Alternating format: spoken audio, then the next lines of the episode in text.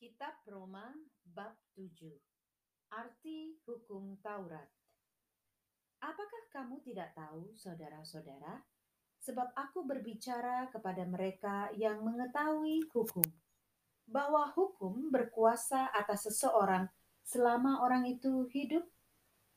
Sebab seorang istri terikat oleh hukum kepada suaminya selama suaminya itu hidup. Akan tetapi, apabila suaminya itu mati, bebaslah ia dari hukum yang mengikatnya kepada suaminya itu.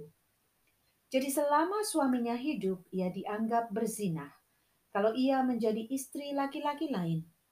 Tetapi jika suaminya telah mati, ia bebas dari hukum. Sehingga ia bukanlah berzinah kalau ia menjadi istri laki-laki lain. Sebab itu, saudara-saudaraku, kamu juga telah mati bagi hukum Taurat oleh tubuh Kristus, supaya kamu menjadi milik orang lain, yaitu milik Dia yang telah dibangkitkan dari antara orang mati, agar kita berbuah bagi Allah. Sebab waktu kita masih hidup di dalam daging, hawa nafsu dosa yang dirangsang oleh hukum Taurat bekerja dalam anggota-anggota tubuh kita agar kita berbuah bagi maut.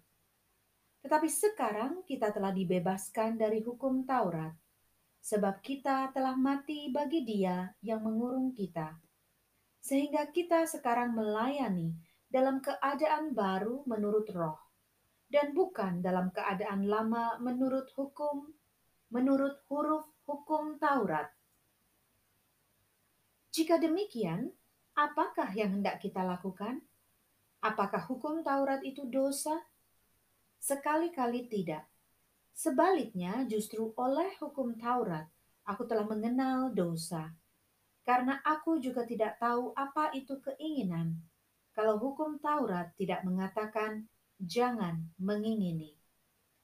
Tetapi dalam perintah itu, dosa mendapat kesempatan untuk membangkitkan di dalam diriku rupa-rupa keinginan sebab tanpa hukum Taurat dosa mati. Dahulu aku hidup tanpa hukum Taurat, akan tetapi sesudah datang perintah itu, dosa mulai hidup. Sebaliknya, aku mati. Dan perintah yang seharusnya membawa kepada hidup, ternyata bagiku justru membawa kepada kematian. Sebab dalam perintah itu, dosa mendapat kesempatan untuk menipu aku, dan oleh perintah itu ia membunuh aku. Jadi, hukum Taurat adalah kudus, dan perintah itu juga adalah kudus, benar, dan baik. Perjuangan hukum Taurat dan dosa. Jika demikian, adakah yang baik itu menjadi kematian bagiku? Sekali-kali tidak. Tetapi supaya nyata bahwa ia adalah dosa, maka dosa mempergunakan yang baik untuk mendatangkan kematian bagiku. Supaya oleh perintah itu dosa lebih nyata lagi keadaannya sebagai dosa. Sebab kita tahu bahwa hukum Taurat adalah rohani, tetapi aku bersifat daging, terjual di bawah kuasa dosa Sebab apa yang aku perbuat, aku tidak tahu. Karena bukan apa yang aku kehendaki yang aku perbuat, tetapi apa yang aku benci. Itulah yang aku perbuat. Jadi, jika aku perbuat apa yang tidak aku kehendaki, aku menyetujui bahwa hukum Taurat itu baik. Kalau demikian, bukan aku lagi yang memperbuatnya, tetapi dosa yang ada di dalam aku. Sebab aku tahu bahwa di dalam aku, yaitu di dalam aku sebagai manusia, tidak ada sesuatu yang baik.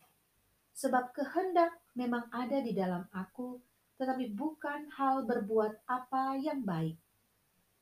Sebab bukan apa yang aku kehendaki, yaitu yang baik, yang aku perbuat, melainkan apa yang tidak aku kehendaki, yaitu yang jahat yang aku perbuat. Jadi, jika aku berbuat apa yang tidak aku kehendaki, maka bukan lagi aku yang memperbuatnya, tetapi dosa yang diam di dalam aku. Demikianlah aku dapati hukum ini. Jika aku menghendaki berbuat apa yang baik, yang jahat itu ada padaku. Sebab di dalam batinku aku suka akan hukum Allah. Tetapi di dalam anggota-anggota tubuhku, aku melihat hukum lain yang berjuang melawan hukum akal budiku dan membuat aku menjadi tawanan hukum dosa yang ada di dalam anggota-anggota tubuhku. Aku manusia celaka. Siapakah yang akan melepaskan aku dari tubuh maut ini?